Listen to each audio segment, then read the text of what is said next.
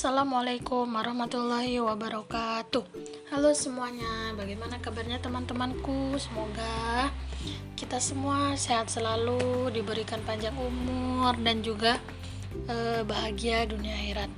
Eh, baiklah, nggak panjang lebar nih.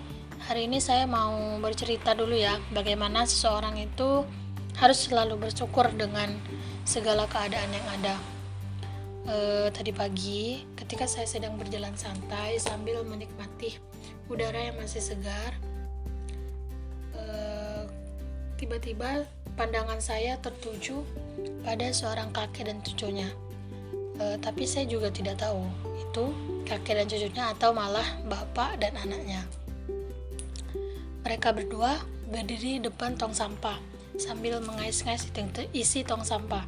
E, yang saya lihat mereka mencari botol-botol bekas, kardus, dan lain-lainnya untuk bisa mereka jual agar mendapatkan uang untuk mereka makan. Hmm, dari dari kejadian itu saya tuh mikir anak yang sepe, anak yang sekecil itu seharusnya di usia mereka itu hmm, bermain menonton TV dan lain-lainnya. Tapi saat itu dia mau dia tanpa mengeluh membantu orang tuanya untuk mencari uang uh, untuk mencari uang untuk uh, untuk mencari uang supaya mereka bisa makan pada hari hari itu. Hmm, saya pun mulai ini ya mulai berkata dalam hati, ya Allah anak sekecil itu udah bisa bantuin orang tuanya untuk mencari uang tanpa mengeluh. Sedangkan saya sampai sekarang masih minta orang tua. Dan itu pun masih masih suka mengeluh jika uang yang diberikan kurang. Ya, namanya juga manusia. Selalu merasa kekurangan. Dan dari sini saya tuh bisa ambil kesimpulan e, bahwa segala sesuatu itu harus kita syukuri.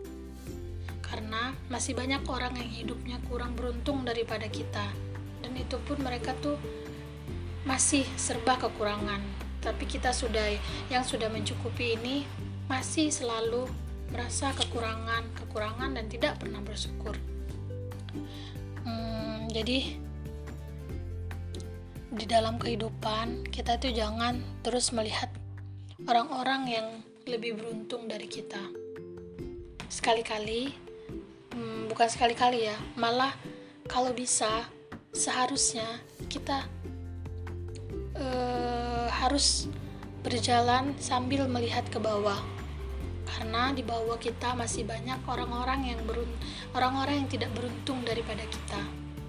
Jadi guys mulai saat ini mulai sekarang mulai detik ini jangan lupa bersyukur dengan apa pun keadaan kita.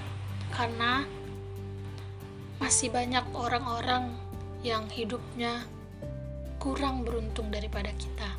Oke, terima kasih. Wassalamualaikum warahmatullahi wabarakatuh.